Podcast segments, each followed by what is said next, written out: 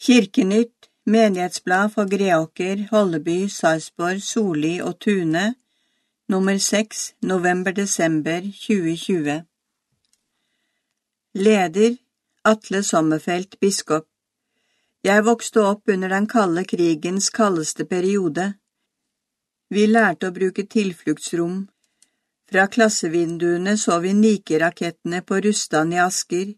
De var en del av Nike-bataljonen, som også hadde batterier i Nes, Trøgstad og Våler, alle i Borg bispedømme. I avisene leste vi om prøvesprengninger i nord og Stillehavet i sør, og om muligheten for atomkrig. Sammen med våre foreldres fortellinger om nazistenes okkupasjon av Norge 1940–45 var krigens mulighet i Norge en del av vår livsfølelse. I julegudstjenestene sang vi med stor innlevelse Deilig er jorden. Vi sang salmens siste vers med stor intensitet. Englene sang den, først for markens hyrder, skjønt fra sjel til sjel det lød. Vi omgjorde engelens ord til en bønn, fred over jorden. Da kunne vi følge oppfordringen i den neste linjen. Menneske, fry deg, og få feste i et håp, oss er en evig frelser født. Det var en rystet Bernhard Severin Ingemann som skrev denne salmen i trass og håp da han fikk krigens brutalitet tett innpå i slagene mellom Danmark og Prøysen fra 1848 til 1850.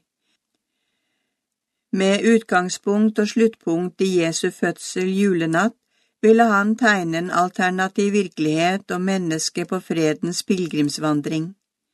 Oss er en evig frelser født må bety at begivenheten i Betlehem for snart 2000 år siden også former vår virkelighet 2020 slik den gjorde for Ingemann i Danmark i 1850. Barn i krybben viser oss at Gud, himmelen og jorden skaper, ikke har overlatt mennesker til seg selv.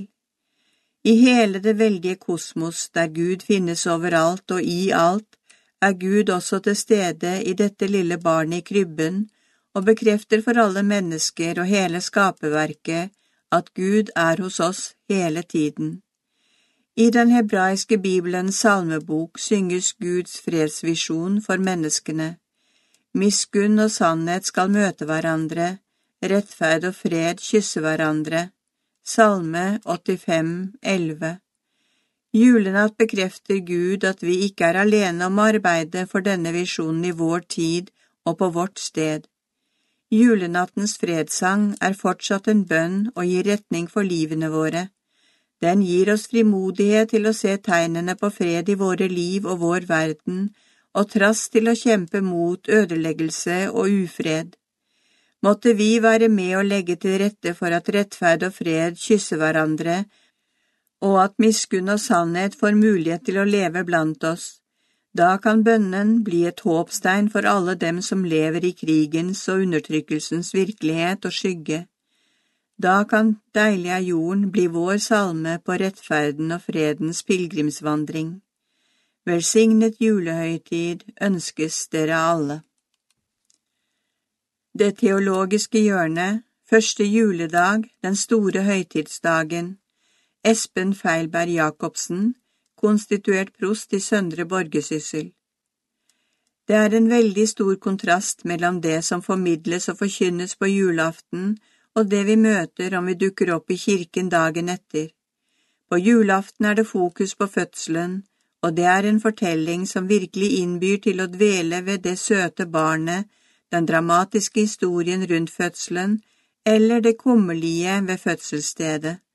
Det kan fremstilles så det blir fryktelig søtt og nusselig, men det kan også fokuseres på det kummerlige kår, og da er det plutselig mer realistisk og rått det hele.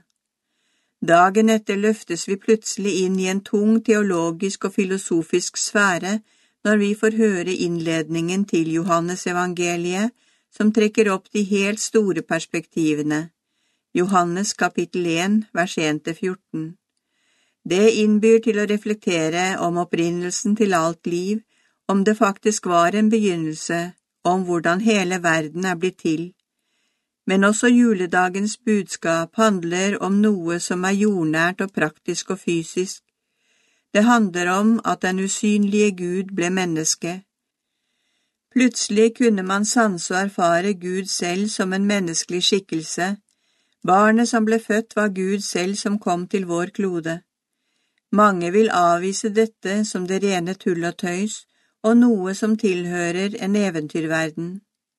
De som avviser, vil også mene at det ikke finnes noen Gud, og det er derfor vi verken kan se, høre eller erfare Gud på noen annen måte. Hva er det eventuelt som måtte få oss til å tro at Jesus var Guds sønn? Da er det nærliggende å vise til undere og tegn som han gjorde, alt fra å gjøre vann til vin i et bryllup, via å gjøre syke mennesker friske på forunderlig vis, helt fram til den dramatiske oppvekkelsen av den allerede døde Lasarus. Er ikke det tegn som viser at han kom fra Gud? Ingen andre kan gjøre tilsvarende. Hvis ikke dette er nok, så vil gode mennesker med innsikt i Bibelen vise til at Jesus selv overvant døden og ble sett levende av mange etter at han selv var tatt av dage. Dette må da overbevise folk som tviler. Både helbredelser, under, tegn og hans egen oppstandelse kan bortforklares eller reises tvil ved. Så står vi fortsatt på bar bakke, kanskje. Hva står vi igjen med da? Jeg vil gjerne få lov til å tro på både under og oppstandelse, men om jeg er med på premisset om å legge dette til side, har vi fortsatt noe enestående ved Jesus som peker på at han kommer fra Gud selv. Det er hans måte å fremstå på som menneske og medmenneske, som rører og betar på en måte så vi aner noe om hvem som er kilden og bakgrunnen for alt han er og gjør. Hans omtanke for den svake, den fattige, den syke, den som er utstøtt. Gjennom sitt liv demonstrerer han hva som er Guds gode vilje og ønske for oss mennesker. Rettferdighet, menneskeverd uansett, opprør mot urett. Han går til felts mot de som utnytter sin maktposisjon, og han løfter opp de som er svake. Det er virkelig som om Gud selv i Jesus kommer og rydder opp og viser oss hvordan vi skulle leve, hvordan vi skulle være. Dette er så jordnært, så direkte, så tydelig, om man bare unner seg å høre eller lese eller oppdage hele historien om hans liv og levnet. Jesus beskriver det selv når han sier at han ikke er kommet for å fjerne loven, men for å oppfylle den. Loven er i denne sammenheng å forstå som Guds vilje for livet her på jorda. For meg er dette et tydeligere bevis på Guds nærvær i Han enn noe annet.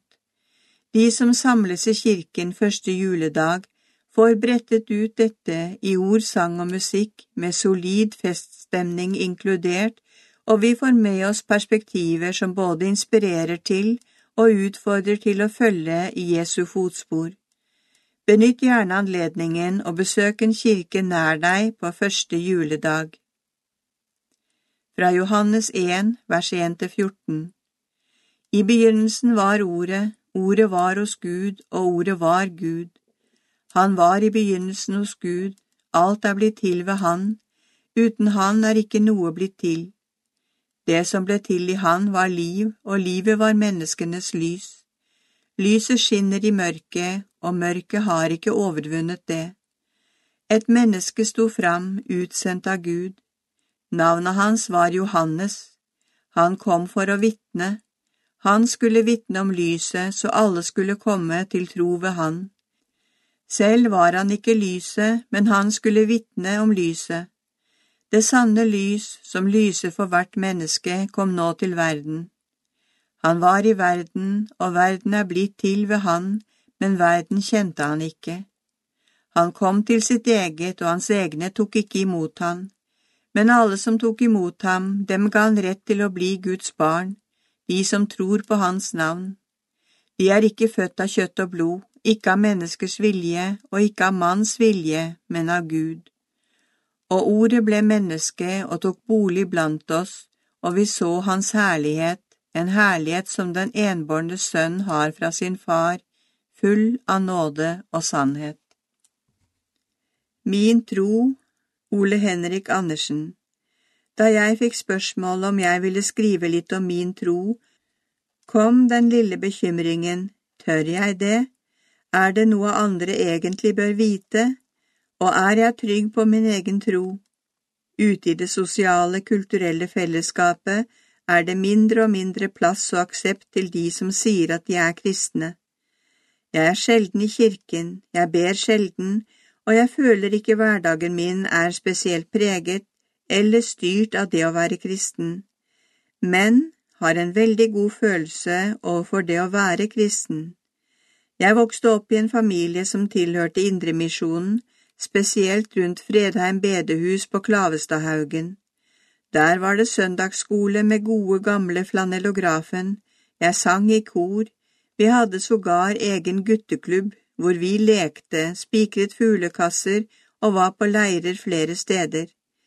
Mamma og pappa har i all tid vært rundt og sunget kristne sanger år etter år, til bedehus, hjem i stuene på husmøter, eldresenter og så videre. Og mang en pastor og bedehuspredikant har fått mat, kaffe og kaker hjemme hos oss. Tror mamma har vært leder på Fredheim i hvert fall 50 år og jo eldre jeg blir, jo mer gir det meg gode minner. Min oppvekst med kristne foreldre var preget av godhet, inkludering, flott samvær, utrolig gode mennesker og ingen strenge moralprekener. Det var åpent for alle uten at du fikk noen krav, og mye sang og moro. Sangen har en svært sentral plass i vår familie. Vårt fysiske treffpunkt var huset til mamma og pappa på Borgenhaugen, Dørene var alltid åpne, kaffe og kake var alltid klart, de var alltid til stede, og på søndag traff du alltid flere i familien der. Vi hadde veldig ofte kristen sang og musikk, vi sang og spilte, og fortsatt er kristen musikk for meg veldig viktig. Flere av familien har blitt gode sangere, spiller piano og gitar og andre instrumenter. Dette savner jeg nå, når pappa er død og mamma bor på Haugvoll. Hvem skal ta over arven og skape et nytt trygt sted for å treffe familien? Jeg får ofte som svar når jeg snakker med ikke-troende at religion er grunnlaget for all krig, all elendighet. Jeg tenker ikke sånn. Hvis verden hadde levd etter hva Jesus sto for, hadde verden vært god for alle. Hadde Jesus levd i dag, hadde han nok vært sett på som en inkluderende god bedriftsleder som svært mange hadde etterlignet.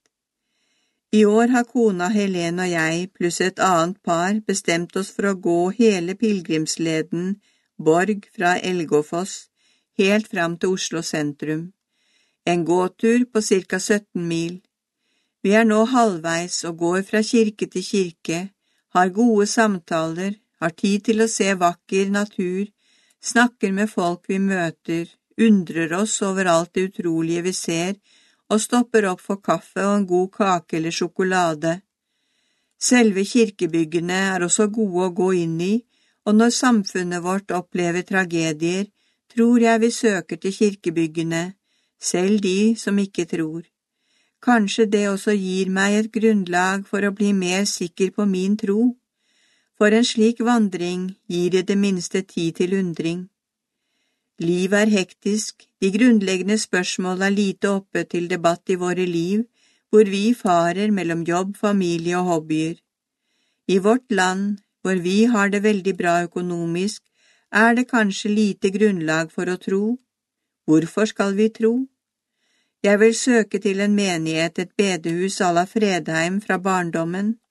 Tja, hvem vet, jeg vet i det minste at kristendommen for meg er viktig, og har påvirket meg sterkt til å bli det mennesket jeg er i dag. Bli gjerne med på dugnaden. Det enkleste for mange er VIPS, og våre menigheters VIPS-nummer finner du under.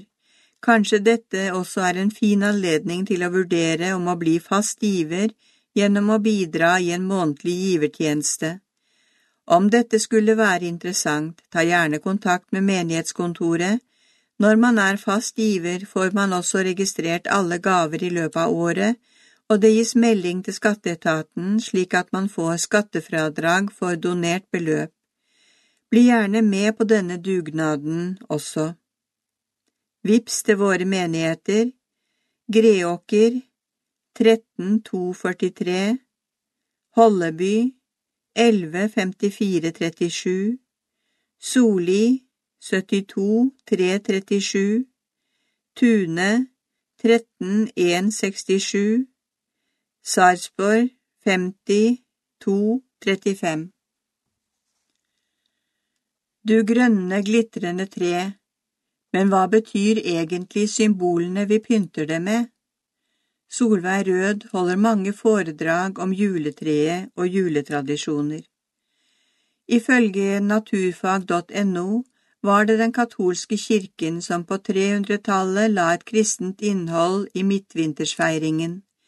Man byttet ut solguden med solskaperen og la feiringen av Jesu fødsel til dagene rundt vintersolverv. Men skikken med juletrær ble ikke med på kjøpet i første omgang. Den ble ansett som hedensk. Først etter reformasjonen ble juletreet tatt inn i varmen igjen. Det var protestantene i Tyskland som gjorde det eviggrønne treet til selve samlingspunktet i julefeiringen, og først på begynnelsen av 1900-tallet ble det vanlig med juletrær i norske hjem. Solveig Rød er pensjonert lærer og historisk interessert, særlig lokalhistorie. Hun farter rundt i lag og foreninger og holder foredrag om gatenavn i Sarpsborg, Inga fra Vartøy, eller nettopp juletreet og juletradisjoner. Vi ber henne mimre litt om jula i sin egen barndom. Mitt barndoms juletre er juletreet hos bestemor på Bergby. Vi feiret hver jul hos bestemor og bestefar, forteller hun. I dag tenker vi at barna skal være med å pynte treet, men slik var det ikke i gamle dager. Det var mor i huset som gjorde det, den innerste stua på Bergby var sjelden i bruk, der var det kaldt, men til jul skulle det fyres, og der var treet plassert. Døra til stua var lukket, vi kom med bussen på ettermiddagen på julaften. Noen flere tanter og onkler kom også. Da alle var samlet, sto vi klar. Døra ble åpnet, og der sto det, som i fjor og i forfjor og året før der igjen, et stort og flott grantre fra skogen med glitter og flagg, lys og stjerner. Det var som en åpenbaring. Ingen juletrær uten pynt. Ja, ingen juletrær uten pynt. Vi setter på lys, og vi henger på kuler og kurver, lenker og hjerter. De færreste tenker kanskje på det, men juletrepynten representerer sider ved det kristne julebudskapet. Hvert år pynter elever fra Kuland skole juletre i Kulandkirken. Vi ser at den gamle tradisjonen med å lage kurver og lenker i glanspapir er like levende. Vi spør Solveig hva de betyr. Kurver laget av papir er en gammel tradisjon. De var ikke bare til pynt, man fylte dem med godterier, nøtter, sukkertøy eller småkaker. Det lå der gjennom juledagene, Jula varte til trettende dag jul. Da ble godsakene delt ut som gaver for å minne om at Gud ga Jesusbarnet som gave til menneskene. Lenker symboliserer fellesskapet med Gud og hverandre. Når for eksempel barna i en klasse lager lenker sammen, kan det bli et sterkt symbol. Verdens lys Jesus sa om seg selv at han var verdens lys. Før elektrisiteten ble allemannseie, pyntet de juletreet med levende lys, små lys som ble satt i metallholdere med klype til å feste på greinene. De brant jo fort ned, så kanskje det bare var under middagen på julaften at man hadde råd til å la dem brenne. Solveig forteller at hennes bestefar var nysgjerrig på alt nytt, og han hadde en kamerat som jobbet i elektrisk forretning så han skaffet elektrisk belysning så fort det kom på markedet. Solveig forteller om andre julesymbol. Kuler minner om jorda som Gud har skapt. Hjerter er kjærlighetssymbolet, Guds kjærlighet til oss og vår kjærlighet til hverandre. Stjerne i toppen av treet minner om Betlehemstjernen. Engler minner om englekoret som viste seg for hyrdene. Fugler minner om Den hellige ånd. Flagg symboliserer kjærligheten til landet vårt. Det var viktig under krigen. Våget man ikke å ha flagg, hengte man på noe rødt i stedet. Vi spør Solveig om hun har juletrepynt som hun er spesielt glad i. Hun forteller om en kjær gave fra en venninne fra barndommen. Det var en bjelle. Den må henge øverst på juletreet. Bjella minner om kirkeklokker som ringer jula inn. Solveig er ikke den som bytter ut julepynten år for år. Hun har ikke sansen for å ha rosa tre det ene året og hvitt tre det neste. Juletrepynten er lagret i et par esker. Det er like stas hvert år å hente dem ned fra loftet. Ekte eller kunstig? Men hva tenker ekteparet Solveig og Kai Rød om ekte eller kunstig tre? De har vært enige, så lenge de bor i hus skal det være ekte juletre. Men hva nå? De har nettopp flyttet til leilighet. Da blir det spennende å høre hva de bestemmer seg for denne jula. Åse Bø Saltbones, tekst og foto.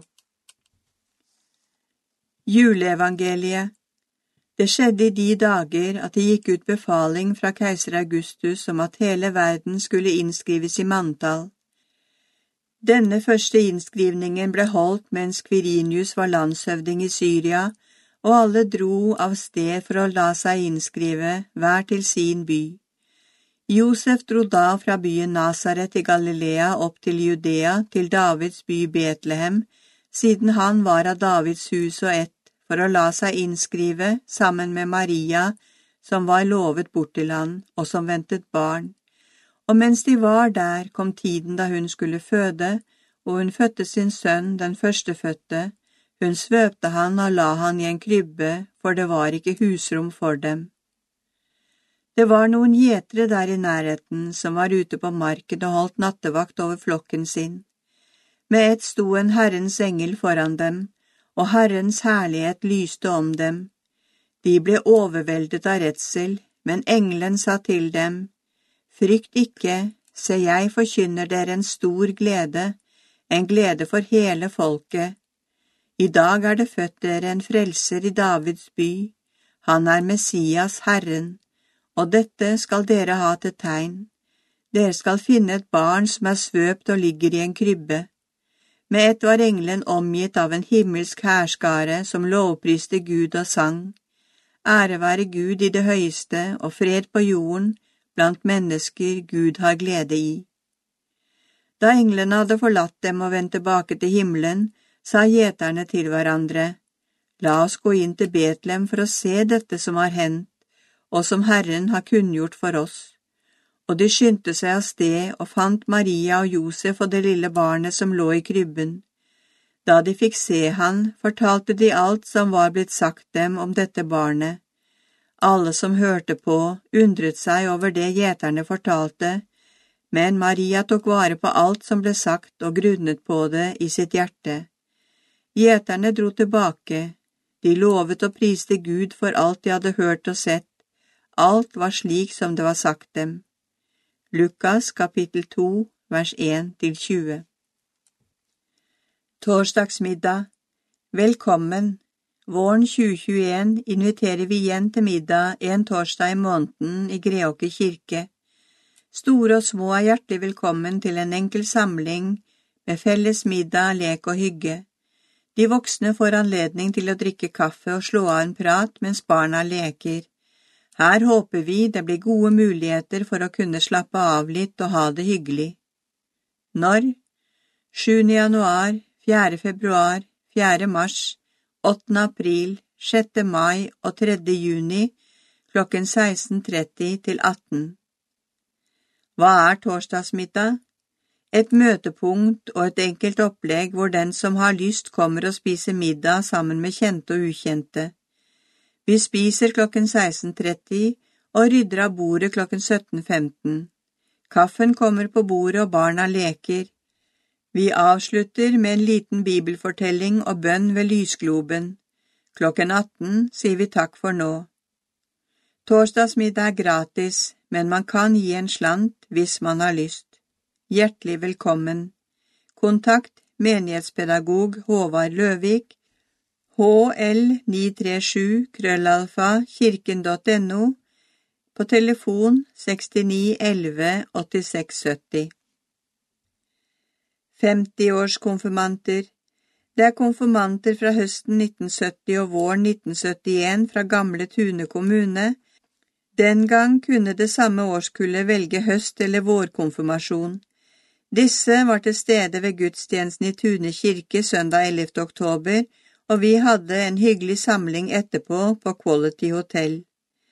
Anne Grete Slettevold, Anne Lise Ekeberg, Else Berit Svendsen, Leif Gunnar Hansen, Else Karin Holstangen, Elsy Torgunn Knutsen, Gunn Aagaard, Hilde Haugeli Lemtun, Inge Lise Borger Karlsen, Irene Adamski, Jorunn Sjøren, Judith Elvestad Christoffersen, Marit Fjellberg, Marita Stenmoen, Mona Christensen, Mona Merete Sognlien, Per Anders Aas, Reidar Tveter Johansen, Sigrid Sandtangen, Sissel Hansen, Terje Winther, Anne Elisabeth Winther, Tommy Karlstad, Tove Irén Andresen, Unni Kolberg og Åge Brattås. Barnesiden laget av Verlén Stang, Håvard Øyestad Løvik, Kristin Tollefsen, Inger Marie Syverstad Hagen. Tips Jeg vil gjerne tipse dere om å leke juleevangeliet med barna deres med for eksempel Duplo. La barna være med å bygge mens dere forteller historien. Dette skaper engasjement og gode minner. Andakt Jeg kan huske at som barn så tenkte jeg noen ganger at de voksne ikke skjønte hvordan det var å være barn, og ikke få bestemme alt selv, spise alt godteriet jeg ville, ikke klare alt, ikke rekke opp til alt, eller hvordan det var å bli erta, og hvor teite søsken kan være. Og mange ganger så følte jeg ikke at de forsto meg. I julen så feirer vi at Jesus ble født. Det betyr jo at Jesus har prøvd å være barn. Han har opplevd alle de tingene vi har opplevd når vi var barn. Tenk på det. Det betyr jo at han forstår deg og føler med deg i det du står i. Jesus ser deg og elsker deg. God jul. På plakaten Aktiviteter for barn Null til ett år babysang Sarpsborg kirke torsdager klokken 11 Sang og kos for babyer og far og mor Info kirken.no slash Sarpsborg.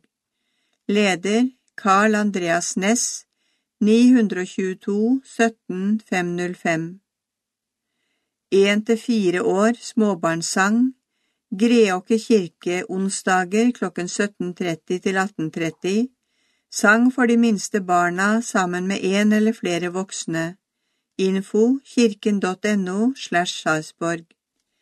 Leder Marianne Ervum 990 30 011 1 til 5 år barnesang Sarpsborg kirke onsdager klokken 17 til 17.30 Sang, rim, regler og ulik rytme Sunniva Berg er kursholder Leder Eileen Stang 990 36 414 1 til 6 år småbarnsgudstjeneste Solli kirke 6. desember klokken 11. Småbarnsgudstjeneste for 1 til 6-åringer. Marte Kinserdal 977 15 122. 3 pluss søndagsskole søndag klokken 11. Søndagsskole for deg som bor i Soli og omegn. Leder Nils Philip Eriksen 456 38 478 Fire til seks år primo, Tune kirke, onsdager 1645 til 1730. For barn som liker å synge. Aspirantkoret fra fire år til skolealder. Deretter kan man starte i barnekoret. Henrik Brusevold, 402 38 802 Fire til tolv år barneklubber, Melleby, Solstrålen, annenhver fredag klokken 17. Barneklubb for deg som bor i Soli i omegn. Leder Inger-Lise Melleby, 69 14 71 62. Barneklubber, Gjelsnes misjonshus, onsdager i oddetallsuker klokken 17. Lysglimt barnelag, barneforening for de aller minste. Hege Jørgensen og Camilla Skaar er ledere. Seks til ti år Excel-klubben, Kulandkirken, annenhver tirsdag klokken 18 til 20. Klubben er for deg som går i første til fjerde klasse. Vi har en samling og ulike aktiviteter, loddsalg og kveldsmat. Leder Inger Marie Syverstad Hagen, 971 02 106. Sju pluss barnekor, Tune kirke, onsdager 17.30 til 18.45, for deg som liker å synge fra skolealder og oppover. Leder Henrik Brusevold, 402 38 802. 10 til 11 år, lys våkenhelg, Tune kirke, 21. og 22. november. Lys våkenhelg i kirken med blant annet aktiviteter, film i kirketaket og bål utenfor kirken. Tune, Marie Kinserdal, 977 15 122. 10 til 13 år, XXL-klubben, Kulandkirken, annenhver mandag klokken 18 til 20. Klubb med matlaging, baking, biljard, airhockey, fotballspill, bordtennis, hobbyaktiviteter, vi, formidling, sang, loddsalg og kveldsmat. Leder Inger Marie Syverstad Hagen, 971 02 106. På plakaten Aktiviteter for ungdom 10–15 år, Fredagsklubben, Gjelsnes misjonshus klokken 19 til 22, leder Margaret Olseng, 915 26 672, 14 år, konfirmasjon 2020-2021, Greåker Holleby Solli og Tune, oppstart nytt kull i oktober, Sarpsborg, oppstart nytt kull i januar 2021, Se kirken.no slash Sarpsborg for påmelding og info. Ledere Kristin Tollefsen 477 52 505 Eileen Stang 990 36 414 14 pluss The Place Hannestad bedehus. Annenhver onsdag i oddetallsuker fra klokken 18 til 21 ungdomsklubb.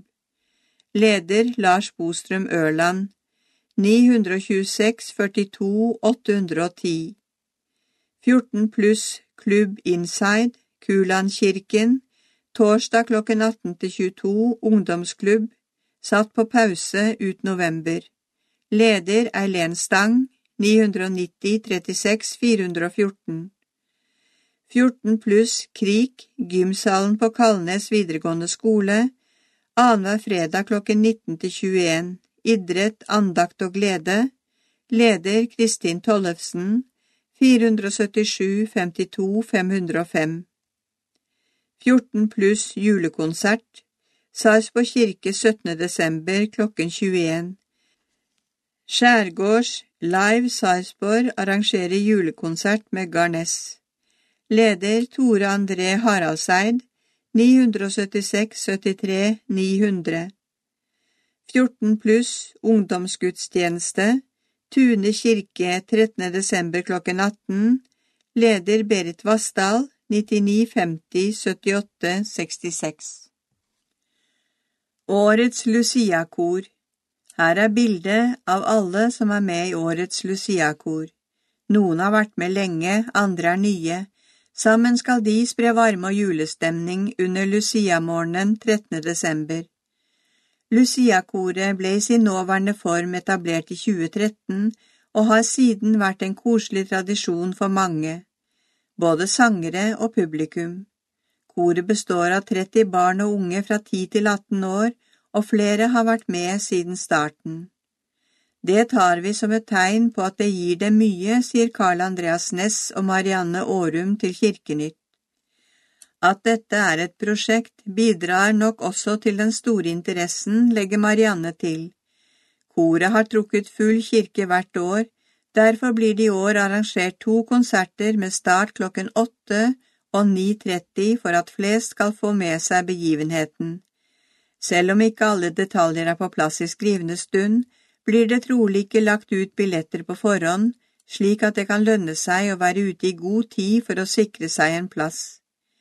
Nytt av året er at det vil bli gjort videoopptak av Lucia når hun tenner julegrana. Dette vil være tilgjengelig for alle på nettet.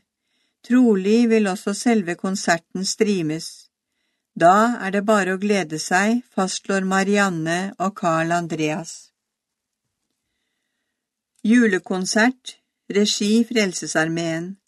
Kai Robert og Camilla med venners julekonsert. Tune kirke, tirsdag 22. desember klokken 19.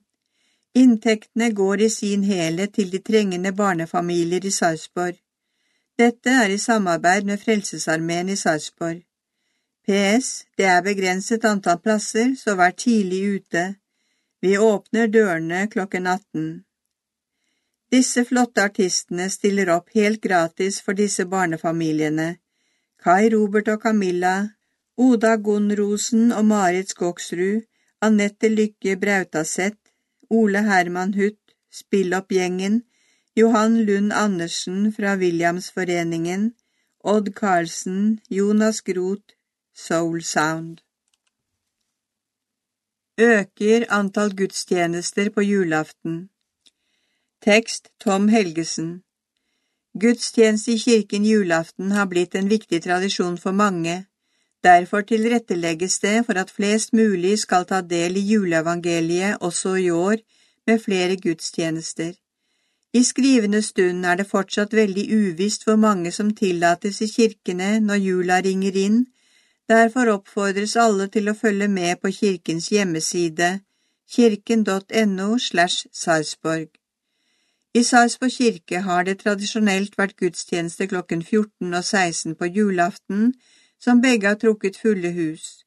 I år reduseres imidlertid kapasiteten vesentlig på grunn av smitteverntiltak. Derfor vil det bli gjennomført gudstjenester klokken 13, 14, 15 og 16, forteller konstituert prost Espen Feilberg Jacobsen og kantor Carl Andreas Næss. For at det skal kunne la seg gjøre, blir gudstjenestene kuttet ned til en drøy halvtime. De lover likevel at det er nok tid til å finne roen og høytidsstemningen. Ja, det blir både juleevangeliet og de tradisjonelle julesangene og salmene, i tillegg til prekenen og andre liturgiske innslag. Det blir også ekstrasolister, så dette vil bli en ordentlig gudstjeneste innenfor en litt kortere tidsramme enn tidligere, understreker de. I de to første gudstjenestene vil de sette familiene ekstra i fokus, hvor det blir innslag myntet på barna. Plass til 50 Det har vært 140 plasser til rådighet i Sarpsborg kirke, med maks fire personer på hver benk. Med innstramninger som kom nylig, er vi imidlertid tilbake til kun 50 personer. Denne gjelder i skrivende stund til ut november måned, slik at det er uvisst hvordan situasjonen er når julen ringes inn. Vi må bare forholde oss til de retningslinjene som gjelder, og innrette oss på best mulig måte ut fra det. Kirken har vist stor omstillingsevne under hele koronapandemien, så dette får vi til sammen, sier Espen. Også i våre øvrige kirker blir antall gudstjenester økt den 24. desember. I Tune kirke, som hadde koronakapasitet til 200 før siste innstramning, blir det julegudstjenester klokken 12, 14 og 16 med plass til 50 personer per gang i hver gudstjeneste. I Greåker kirke blir det gudstjenester med plass til 50 personer klokken 13 og 15 og i Holleby og Soli kirke klokken 14 og 16. Det vil gi store muligheter til å få med seg et av arrangementene, men betinger at noen må gå til et annet tidspunkt enn de pleier. Vi skal i hvert fall sørge for at flest mulig får tilbudet, uansett hvor mange som tillates å slippe inn, sier Tore André Haraldseid. Tar vi også med de øvrige kirkene innenfor Sarpsborg fellesråd, vil det bli arrangert 28 gudstjenester på julaften i år. På grunn av mye uvisshet rundt situasjonen er naturlig nok ikke alle detaljer spikret. Trolig legges det opp til billetter, slik at man kan bestille plass i den kirken og til det tidspunktet man ønsker å gå. Hvordan dette vil foregå, må vi komme nærmere inn på, sier han. Mange julekonserter er booket i kirkene, men det kan komme endringer på grunn av koronarestriksjonene. Det er knapt en dag i desember hvor det ikke er booket en konsert i en av våre kirker, men Tore André Haraldseid, daglig leder i Tune, Greåker, Holleby og Soli menigheter, ber deg være oppmerksom på at det kan komme endringer på grunn av koronasituasjonen. Det skapte mye usikkerhet da den siste innstramningen kom og kapasiteten i kirkene ble vesentlig redusert. Samtidig vet vi ikke hvordan situasjonen er i desember, da det skal komme nye retningslinjer ved månedsskiftet. Så langt har det kommet få avbestillinger, men det er nok mange arrangører som er avventende, sier han. Derfor bør man følge med på lokal annonsering eller på våre nettsider kirken.no slash Sarpsborg. Julekonsertene starter allerede tirsdag 24. november med konserten Vår jul med Torstein Sødal, Vivian Sørmeland, Christian Ingebrigtsen, Tine Ting Helseth og Gaute Ormåsen. I Tune kirke står også navn som Ulrikke Brandstorp med fire konserter mandag 30. november og tirsdag 1. desember. Grålum Vokalis søndag 6. Anne Sofie og Tor Endresen torsdag 10. Greåker videregående skole og Tune Rotary mandag 14. Stille natt med Alexander Rybak, Rune Larsen, Maria Haukås Mittet, Hans Marius Hoff Mittet og Ingrid Berg Mehus fredag 18. desember, Greåker Musikkorps søndag 20., Orgelmeditasjon med Henrik Brusevold mandag 21., Kai Robert og Camilla tirsdag 22. og Erik André Hvitsten onsdag 23. desember. I Holleby kirke er det planlagt lysmesse med Hollebykoret og Korpset Harmoni søndag 6. desember. Sarpsborg kirke Følgende er i skrivende stund booket i Sarpsborg kirke. Julekonsert med Sarpsborg kulturskole 3. desember. Avslutningskonsert for strykeprosjektet Alvimhaugen skole og Sarpsborg kulturskole 4. desember. Orgelkonsert Tsjajkovskijs Knøtteknekkeren og Guy Popar lørdag 5. desember, julekonsert med Emilie Hellum Johansen søndag 6. desember, julekonserten Seine natt i desember med Trygve Skau torsdag 10. desember, stemningsfull Lucia-morgen med Lucia-koret 2020 søndag 13. desember, julekonsert med Sarpsborg jente- og guttekorps mandag 14. desember, Julekonsert med tvillingduoen Garness torsdag 17. desember. Julekonsert med Chris Medina, Eirik Ness og Lars Støvland. Men som sagt, her må det tas alle forbehold. Opplev Nine Lessons med vakker musikk og opplesning. Både cellisten Anina Radotina og lærer Lars Tore Bø er engasjert til å medvirke under Nine Lessons i Greåker kirke 6. desember klokken 11. Nine Lessons har lange tradisjoner i Greåker menighet. Dette er en form for julegudstjeneste som har sitt opphav i den anglikanske kirken. Den består av ni korte bibeltekster knyttet til syndefallet, løftet om Messias og Jesu fødsel. Mellom lesningene er det musikk og korsang. Denne gangen satser menigheten litt ekstra ved å hente inn eksterne krefter. Prest og lærer Lars Tore Bø er den som skal lese tekstene. Han er også kjent som forfatter og har skrevet flere bøker. Underveis blir det musikk av cellisten Anina Radotina, som også tidligere har medvirket ved ulike anledninger i Greåker kirke. Hun har allerede spilt med mange av landets orkestre, Blant disse er Oslo-harmonien og Harmonien i Bergen. Greåker kirkekor har i mange år vært medarrangør til Nine Lessons. Også i år bidrar koret med sang mellom tekstene. Som tidligere erstatter dette den ordinære gudstjenesten søndag 6. desember og starter klokken 11. Samlinger i Greåker, Soli, Tune og Holleby menigheter. Lande bosenter, formiddagstreff, torsdag 3. desember klokken 11. Dagens gjester Sigrun Solvang, sang, og Henrik Brusevold, piano. Åge Syvertsen holder andakt. Greåker kirke, musikkafé. Fellesskap med mye sang, musikk og god bevertning. Her er personer med bistandsbehov spesielt velkommen. Lørdag 5. desember klokken 12, sang og musikk ved Bjørnar Lund. Lørdag 10. januar klokken 12, juletrefest, Lino Lubiana holder andakt og nissefamilien synger. Melleby grendehus. Dette er stedet å treffe sambygdingene til en god prat over en kopp kaffe. Det blir bevertning og utlodning. Trenger du skyss? Ring kirkekoret dagen før. Telefon 69 11 68 00, pris kroner 40. Torsdag 26. november klokken 12 er avlyst. Møteplassen Tune kirke. Dette er et internasjonalt treffsted for hele familien.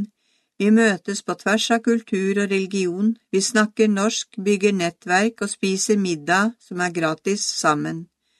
Tirsdag 15. desember klokken 17 til 19. NB, alle arrangement er med forbehold. Følg med på kirken.no slash Salzborg for oppdateringer. Brønsjen i Tune kirke. Treffstedet for deg over 60, kafeteria, variert program. Første onsdag i måneden klokken 12 til 13. Onsdag 2. desember klokken 11.30, avlyst. Nordmisjon Hannestad og Greåker. Desember, torsdag 10. desember klokken 11.30. Formiddagstreff med andakt av Øystein Trømborg. Bjørg Grønlien leder allsangen. Januar, torsdag 7. januar klokken 11.30, juletrefest i Greåker kirke, andakt Lino Lubiana, Marianne Ervum spiller. Søndag 10. januar klokken 17, Hellige Tre Kongers fest med Anne-Ka Degnes. Søndag 24. januar klokken 18, Foreningens årsmøte. Februar søndag 7. februar klokken 18, søndagsmøte med Bjørnar Holmedal. Tekstgjennomgåelser, Sarpsborg kirke, torsdag 17. desember og torsdag 21. januar klokken 13.30. Bønnesamlinger, Tune kirke, siste onsdag i måneden, 25. november klokken 11.30 til 12. Greåker kirke, fredager klokken 11. Vi spiser lunsj i etterkant av samlingen, ta med matpakke. Gudstjenester, NB, alle arrangement er med forbehold. Følg med på kirken.no slash Sarpsborg for oppdateringer. Greåker kirke, 29. november, første søndag i advent, tekst Lukas kapittel 4 vers 16 til 22a, Klokken 11 gudstjeneste ved Ole Jens Hovda, dåp. Skyss 69 10 31 40. 6. desember, andre søndag i advent, tekst Lukas kapittel 21, vers 27-36. Klokken 11, Nine Lessons and Carols ved Greåker kirkekor. Anine Kristina Adotina Cello, Lars Tore Bø leser, Skyss. 69 10 31 40 13. desember, tredje søndag i advent, tekst. Lukas kapittel 3 vers 7-18 Klokken 11 gudstjeneste ved Lino Lubiana, nattverd og mulighet for dåp. Skyss 69 10 31 40 20. desember, fjerde søndag i advent, tekst Lukas kapittel 1 vers 39-45 Klokken 11 felles gudstjeneste i Soli kirke, vi synger julen inn. Ole Jens Hovda, Helena Harr sang, Peder Kjerkreit cello, Tora Marie Kjerkreit fiolin og Signe Kjerkreit fiolin. Halvor Kjerkreit orgel, bratsj og sang. 24. desember, julaften, tekst Lukas kapittel 2 vers 1-20. Klokken 13, julaftengudstjeneste ved Lino Lubiana, gruppe fra Greåker musikkorps. Klokken 15, julaftensgudstjeneste ved Lino Lubiana, gruppe fra Greåker musikkorps. 25. desember, første juledag, tekst Johannes kapittel 1, vers 1-14, klokken 11 høytidsgudstjeneste med nattverd og mulighet for dåp ved Lino Lubiana. 31. desember, nyttårsaften, tekst Johannes evangelium 14, vers 27, klokken 17 felles gudstjeneste ved Lino Lubiana, skyss 69 10 31 40. 3. januar, Kristi åpenbaringsdag, tekst Lukas kapittel 14 vers 27. Klokken 11 gudstjeneste ved Lino Lubiana, nattverd og mulighet for dåp, skyss 69 10 31 40. 10. januar, andre søndag i åpenbaringstiden, tekst Markus kapittel 1 vers 3-11, Klokken 11 gudstjeneste ved Lino Lubiana, nattverd og mulighet for dåp, skyss 69 10 31 40. 17. januar, tredje søndag i åpenbaringstiden, tekst Johannes kapittel 4 vers 4-26, klokken 11 gudstjeneste ved Lino Lubiana, nattverd og mulighet for dåp, skyss 69 10 31 40.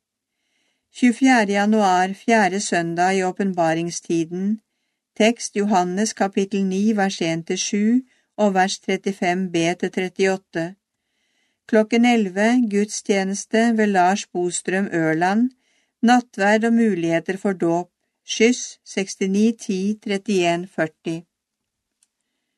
Holleby kirke, 29. november, første søndag i advent, Tekst Lukas kapittel 4 vers 16-22a Klokken 11 jubileumsgudstjeneste ved Lars Bostrøm Ørland. Markering av Holleby kirkes 100-årsjubileum Lansering av jubileumsskrift. Skyss 950 40 282 6. desember, andre søndag i advent. Tekst Lukas 21 vers 27-36 Klokken 17 lysmesse ved Hollebykoret, appell ved Lars Bostrøm Ørland. Klokken 19 lysmesse ved Korpset Harmoni, appell ved Lars Bostrøm Ørland. 13. desember, tredje søndag i advent, tekst Lukas kapittel 3 vers 7-18, klokken 11 gudstjeneste ved Lisbeth H. Gregersen, forsangergruppe fra Hollebykoret. Skyss 950 40 282 20. desember, fjerde søndag i advent, tekst Lukas kapittel 1 vers 39-45 Klokken 11 felles gudstjeneste i Solli kirke, vi synger julen inn. Ole Jens Hovda, Helene Harr sang, Peder Kjerkreit cello, Tora Marie Kjerkreit fiolin og Signe Kjerkreit fiolin. Halvor Kjerkreit, orgel, bratsj og sang. 24. desember, julaften, tekst Lukas kapittel 2, vers 1-20. Klokken 14, julaftensgudstjeneste ved Lars Bostrøm Ørland. Familien Oliversen deltar med sang og musikk. Klokken 16, julaftensgudstjeneste ved Lars Bostrøm Ørland, sang og musikk, Thea og Fredrik Martinsen. 26. desember, andre juledag, tekst Matteus kapittel 10, vers 16-22, klokken 11 gudstjeneste ved Lisbeth Heie Gregersen, Korpset Harmoni spiller, skyss 69 14 88 42. 31. desember, nyttårsaften, tekst Johannes kapittel 14, vers 27, klokken 17, vi deltar i felles gudstjeneste i Greåker kirke. 3. januar, Kristi åpenbaringsdag, Tekst Lukas kapittel 14 vers 27. Klokken 11 gudstjeneste ved Ole Jens Hovda. Skyss 69 14 88 42. 17. januar, tredje søndag i åpenbaringstiden. Tekst Johannes kapittel 4 vers 4 til 26. Klokken 11 gudstjeneste ved Lars Bostrøm Ørland. Skyss 69 14 88 42. Soli kirke 6. desember, andre søndag i advent Tekst Lukas kapittel 21, vers 27-36 Klokken 11 gudstjeneste ved Ole Jens Hovda, dåp 20. desember, fjerde søndag i advent Tekst Lukas kapittel 1, vers 39-45 Klokken 11 Vi synger julen inn Fellesgudstjeneste ved Ole Jens Hovda, Helena Harr sang, Peder Kjerkreit cello, Tora Marie Kjerkreit fiolin og Signe Kjerkreit fiolin. Halvor Kjerkreit, orgel, bratsj og sang. 24. desember julaften, tekst Lukas kapittel 2 vers 1-20, klokken 14 julaftengudstjeneste ved Jens Hovda, en gruppe fra Greåker musikkorps spiller. Klokken 16 julaftengudstjeneste ved Jens Hovda, en gruppe fra Greåker musikkorps spiller. 25. desember, første juledag, tekst Johannes kapittel 1 vers 1-14. Klokken 11 høytidsgudstjeneste ved Ole Jens Hovda. Natalie og Fiona Wallin Norenberg synger. 31. desember, nyttårsaften, tekst Johannes kapittel 14 vers 27. Klokken 17 vi deltar i felles gudstjeneste ved Greåker kirke. 10. januar, andre søndag i åpenbaringstiden, tekst Markus kapittel 1 vers 3-11, klokken 11 gudstjeneste ved Lars Bostrøm Ørland.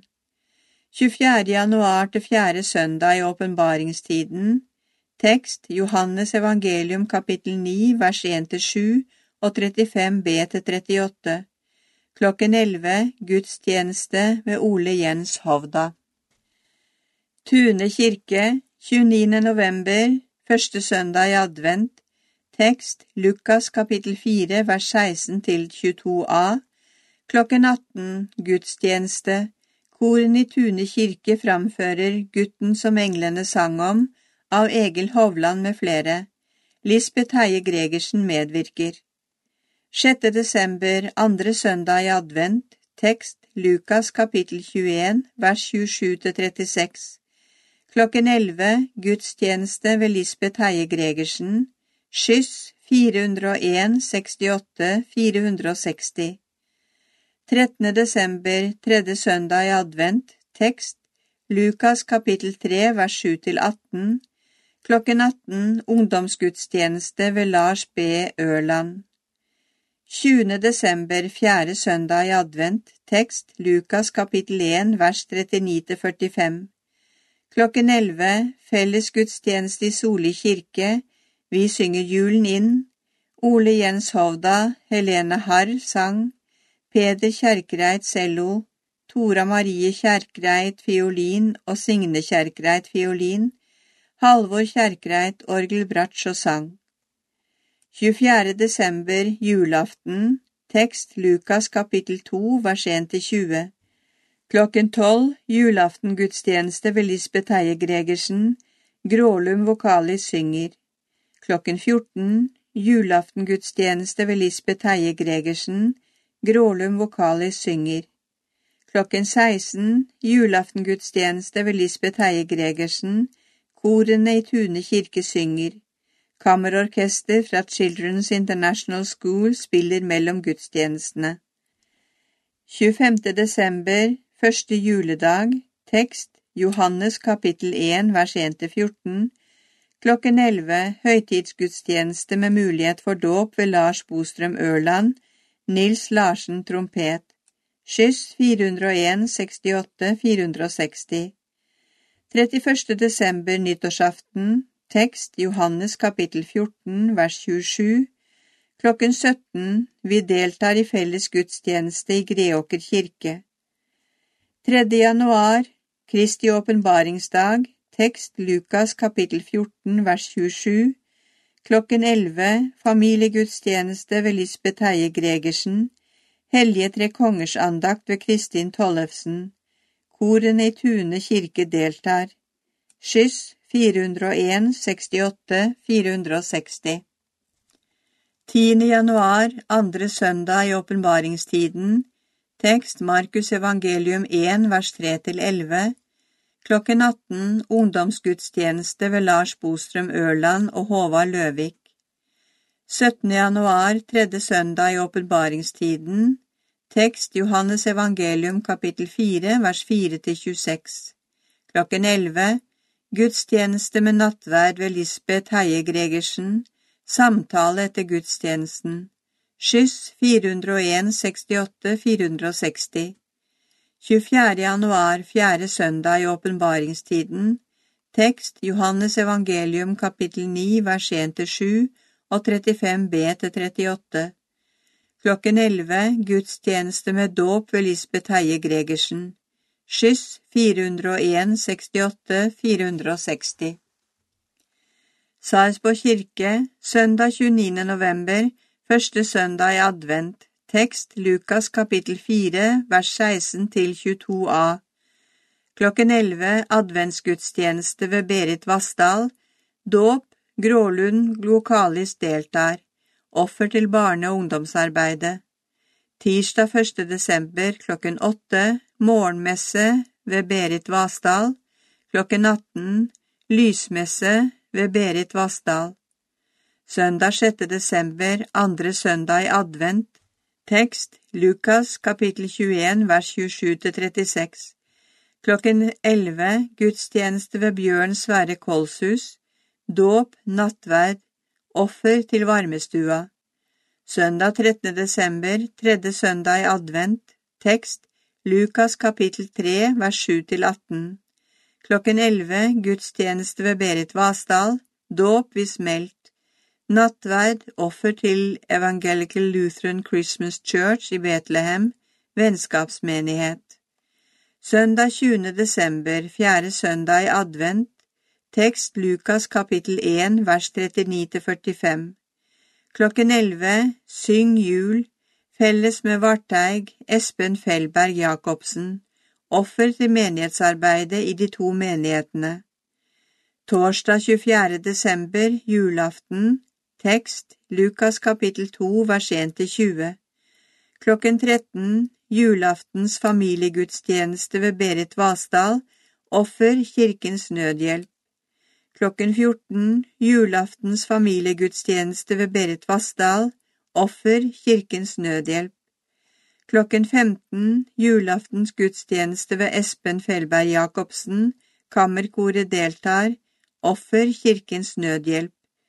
Klokken 16 julaftens gudstjeneste ved Espen Feilberg Jacobsen, kammerkoret deltar, offer Kirkens Nødhjelp. Fredag 25. desember, første juledag, tekst Johannes 1, vers 1-14. Klokken 11 høytidsgudstjeneste ved Espen F. Jacobsen, kammerkoret deltar, offer til menighetsarbeidet. Lørdag 26. desember, andre juledag, tekst Matteus kapittel 10, vers 16 til 22. Klokken 11 høytidsgudstjeneste ved Berit Vassdal, offer til diakonien. Søndag 27. desember, romjulssøndag, tekst Lukas kapittel 2, vers 36-38. Klokken 11, gudstjeneste ved Bjørn Sverre Kolshus, dåp, nattverd, offer til menighetsarbeidet.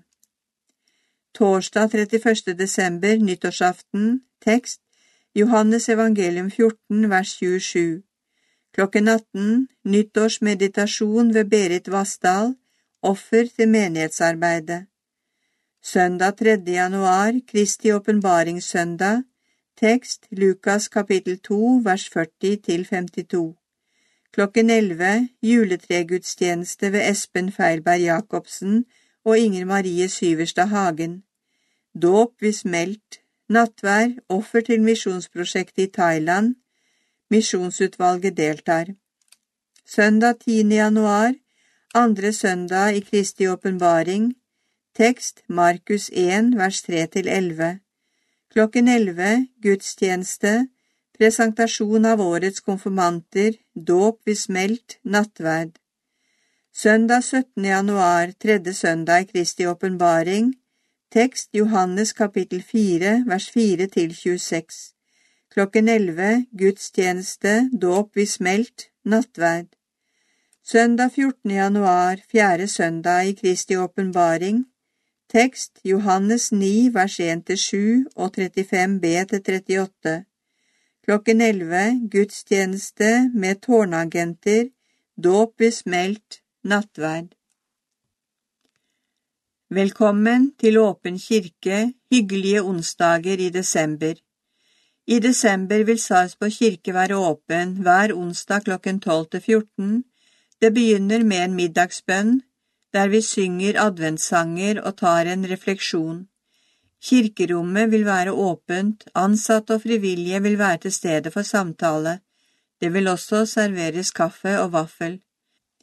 Dette kan være et hyggelig pusterom i desember eller om dagene føles lange og ensomme.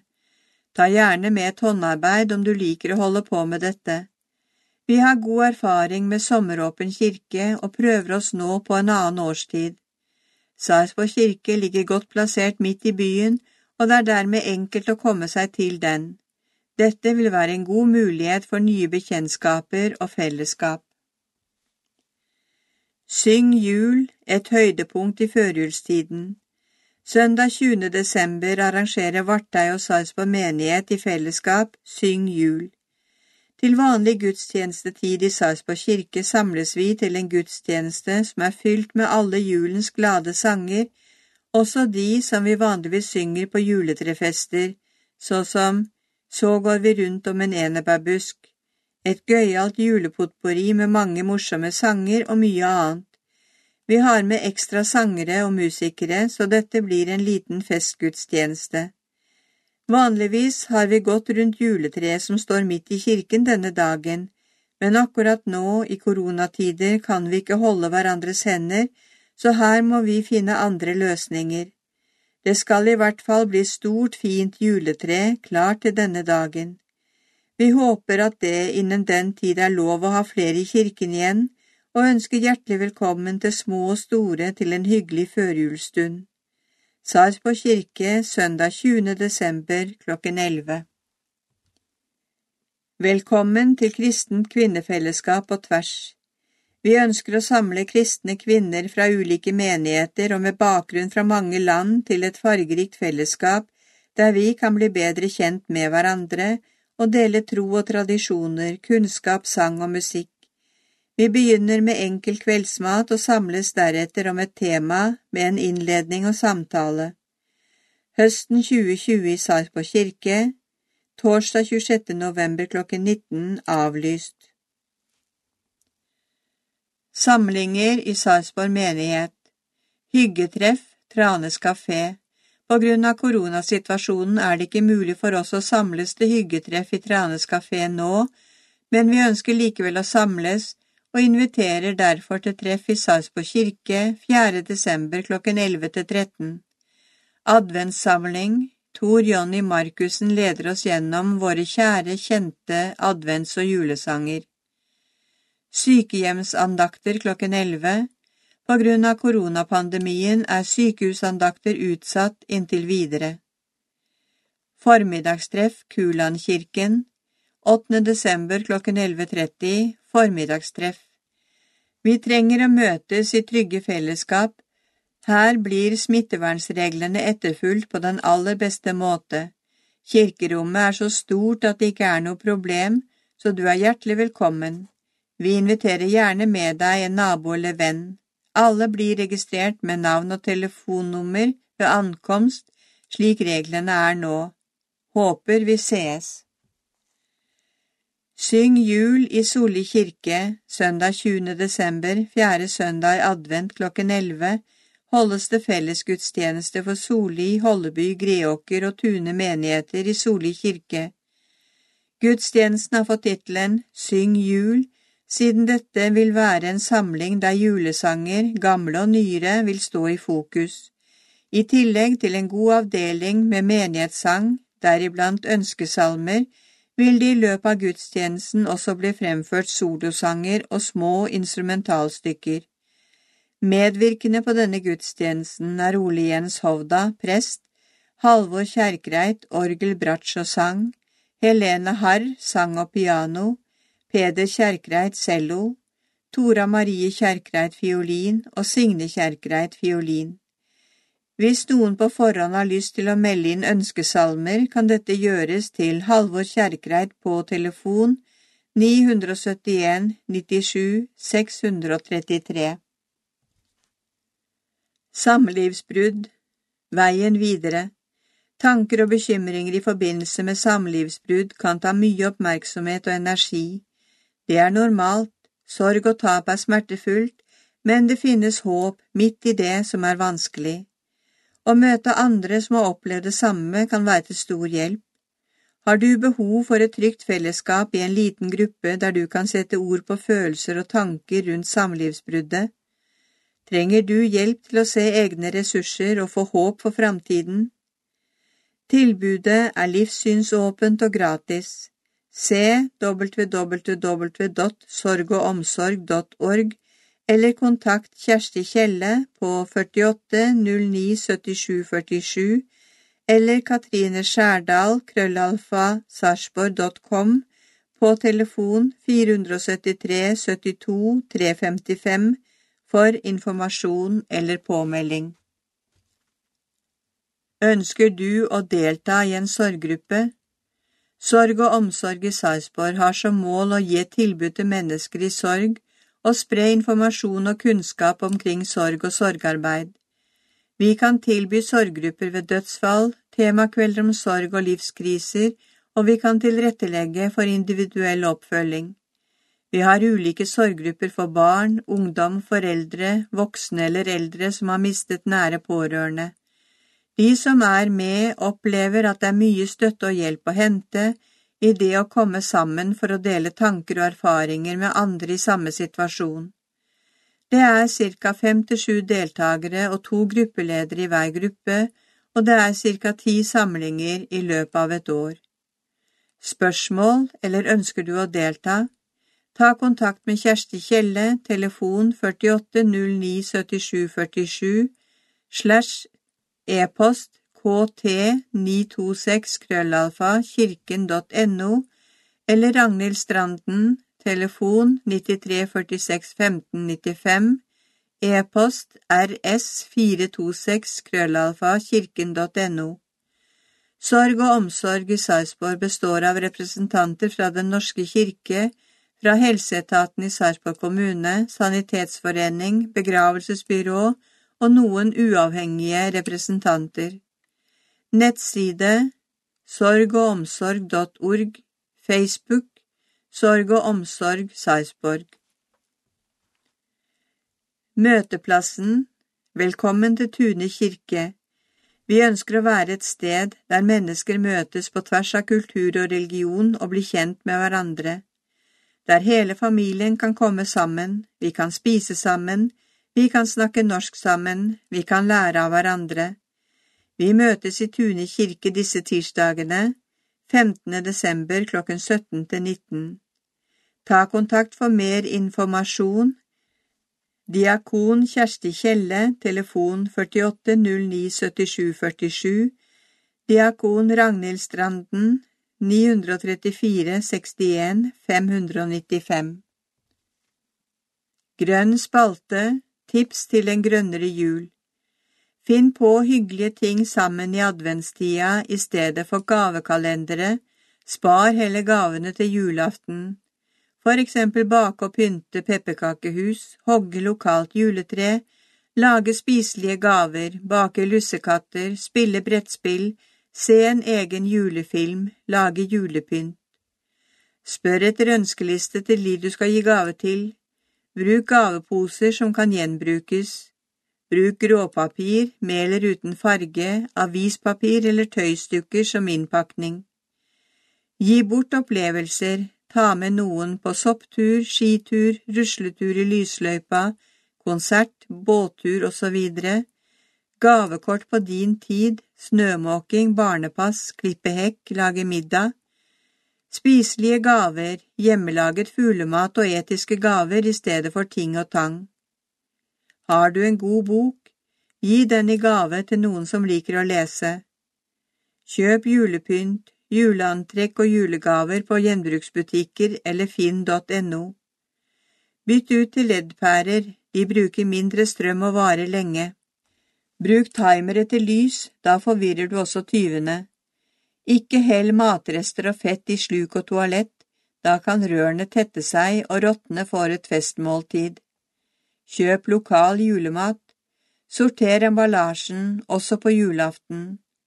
Bruk ordentlige tallerkener og bestikk i stedet for engangs, selv om det frister å slippe oppvaska. Kjøp stearinlys som er laget av bivoks eller er svanemerket. Ta vare på julematrestene, frys ned i porsjoner og ha til middag eller lunsj senere. Fyr riktig i peisen, tenn opp fra toppen, ha god trekk og ikke bruk julegavepapir i peisen. Husk at alt elektronisk avfall, også blinkesko, kan leveres gratis tilbake til tilsvarende butikker. Bruk adventstida til å rydde og levere. Dra og se på felles fyrverkeri i stedet for å kjøpe selv. Orientering om flere konserter Julejazz i Tune kirke 12. desember klokken 18 Jazzgruppa Bursting Quartet sammen med Irene Lundblad og Susanne Say Murphy presenterer svingende og tradisjonelle julesanger i myk innpakning. Billetter kroner 200 kjøpes på ticketco.no eller med vips i døra. Når kirkeklokka slår, Greåker kirke fredag 18. desember klokken 19.30, Andrine Andersen sang, Tine Karita Glimsdal sang, Lotte Karlsen sang, Anina Kristine Radotina cello og Marianne Ervum tangenter. Lino Lubiana ord for kvelden. Vi følger de gjeldende nasjonale og lokale smittevernregler. Du er varmt velkommen. Gratis entré, kollekt. Til deg, fra Fredrik og Henrik, god jul. Orgelmeditasjon til jul, en stille kveld i Tune kirke hvor musikken fra orgelet setter stemningen. Organistene Fredrik André Olsen og Henrik Brusevold framfører verker av blant andre Bach, Fierne og Bøhlmann. Tune kirke 21. desember klokken 20. Fri entré. Korene i Tune kirkes adventskonsert, Tune kirke 9. desember klokken 18, Korene framfører blant annet Gutten som englene sang om av Egil Hovland. Medvirkende Kristine Møklegård fløyte, Katrine Nyheim perkusjon, Lisbeth Heie Gregersen liturgi, Anna Karoline E. Sjelin dirigent, Mari Ann Bjørnstad dirigent, Henrik Brusevold musikalsk leder. Fri entré, kollekt ved utgangen. Livets gang, en oversikt over døpte, vigde og døde i hver menighet. Døpte, Tune menighet, Sofie Holøs Vitting, Eilif Mesrud Johannessen, Alma Jensen Økland, Oda Hammer Flagestad. Holleby menighet, Helge Alexander Malone Ekman. Solli menighet, Pernille Løvdal Rostad av Vilde Emmerich Gardan Sørum. Sarpsborg menighet Hedvig Pangerød Bjøberg Julie Finskud Kråkfoss Lisa Marie Rørqvist Andersson Frida Ølmheim Jonsen Vigde Tune menighet Caroline Hasle og Mathias Nesse Klausen Leonord Alessandro Nikolai Kringen og Hege Merete Norseth. Døde Greåker menighet Erling Syversen Bråten Bente Pettersen Margaret Olaug Hansen Karin Kristiansen Arvid Lauritz Bleken, Alf Magne Pettersen. Soli menighet, Bjørn Ingar Johansen, Sarpsborg menighet, Hans Christian Røssetdal, Ruth Elinor Grimsrud, Geir Kirkerud, Egil Skjolden, Helge Danielsen, Solveig Brenne, Henry Oliver Nilsen, Steffen Olav Gjønvad, Karin Tveter, John Leif Sørfjordmo, Berit Elisabeth Mikkelsen, Bodil Bjerketvedt, Kåre Jan Andersen, Jan Andersen Søstrand, Bjørn Jonny Hellum. Tune menighet, Egil Sjøholm, Rigmor Agnalt, Bjørn Ingar Johansen, Kjell Klausen, Ingvar Sten Nilsen, Randi Synnøve Larsen, Randi Irene Nilsen, Jon Viggo Sigvaldsen, Bjørg Ødegård, Hilde Alette Olsen. Holleby menighet, Mai Lisbeth Pettersen, Kai Gunnar Johansen. Trenger du noen å snakke med? Prester og diakoner har taushetsplikt og er vant til å snakke med mennesker om deres liv. Enkelte tror kanskje at det må være en spesiell religiøs problematikk for å samtale med en prest eller en diakon, men det er ikke nødvendig. De er trente samtalepartnere som er vant til å møte mennesker til å snakke om alle spørsmål i livet. Tjenesten er gratis, og det er som regel kort ventetid for å slippe til. Har du noe på hjertet som du trenger å lufte med et menneske under full diskresjon, ta kontakt. Ta kontakt per telefon til vårt sentralbord og be om å få snakke med en prest eller en diakon, så vil de formidle videre kontakt. Telefon 69 11 68 00 Frivillig i kirken Karina Renna Nordlien, ombærer av Kirkenytt. Karina Renna Nordlien er en av mange frivillige som sørger for at denne avisen blir levert i din postkasse. Dette er en enkel og trivelig oppgave jeg kan anbefale flere å påta seg. Du gjør en god gjerning, samtidig som det gir et påskudd til å komme en tur ut i frisk luft og ta en spasertur, sier hun. Karina deler en rode med Nina Fladeby og leverer rundt 80 aviser på Øvre Lande. Hender det du får kjeft når du kommer? Nei, det har jeg aldri opplevd, det var en kar som sa at han hadde reservert seg mot reklame, men da jeg opplyste at dette ikke var reklame, men informasjon, var det greit. Jeg tror de fleste setter pris på å få avisa. Avisbudjobben er imidlertid ikke hennes eneste engasjement knyttet til kirken. Som kormamma bidrar hun på en rekke områder, det være seg i kappekomiteen, kiosksalg under arrangementer, og ikke minst skaffe premier til diverse lotterier. Kormiljøet i Tune menighet er et trygt og godt sted å være både for barn og de voksne, derfor er det naturlig for meg å bidra, sier hun. Tekst Tom Helgesen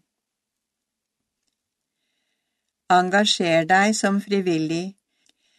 Du kan være en av dem som med liten innsats utgjør en stor forskjell for medmennesker nær deg, Vær et lys for andre. Å være frivillig betyr å gi litt av sin tid, ikke ofte, men av og til. Tid til å være et medmenneske som lytter, eller tid til å hjelpe til praktisk under gudstjeneste eller andre arrangement der hjelpende hender trengs.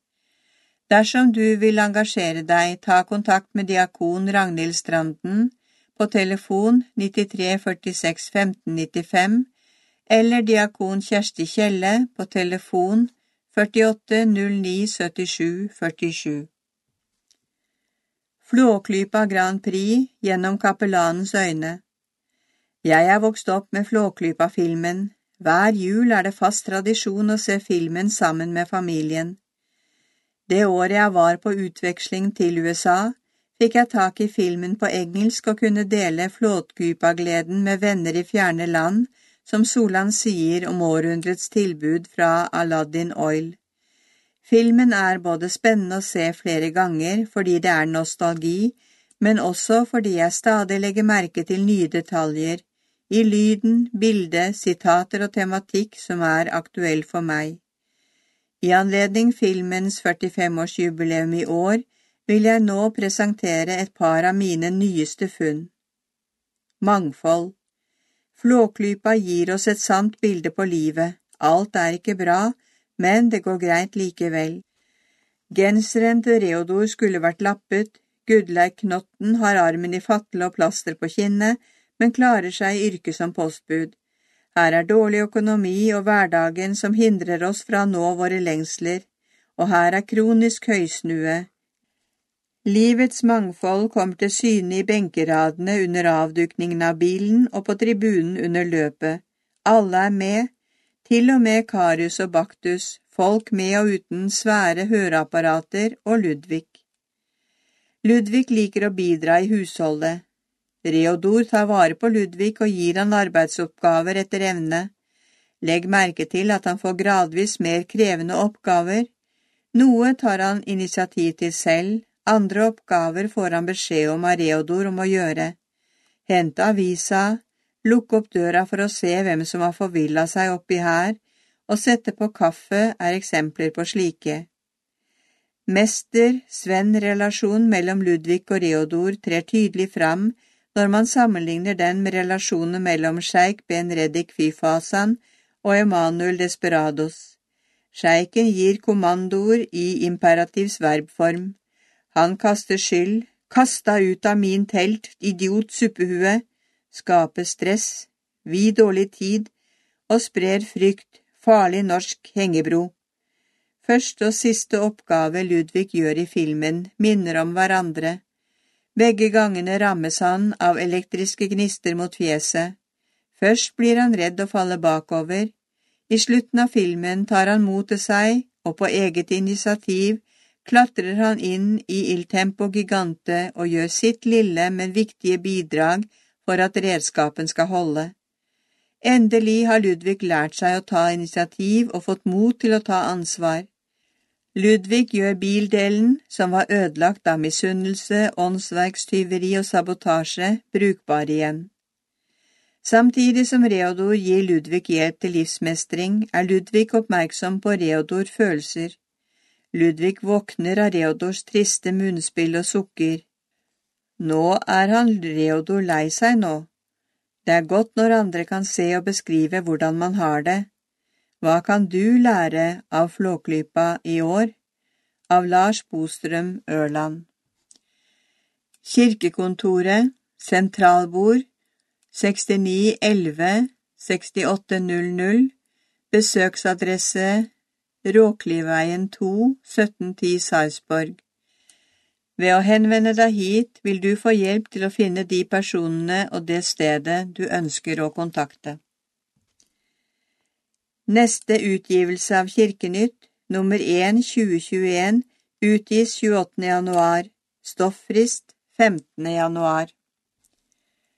Innleser av Kirkenytt, menighetsblad for Greåker, Holleby, Sarpsborg, Soli og Tune, nummer 6 2020, er Gro Tandberg.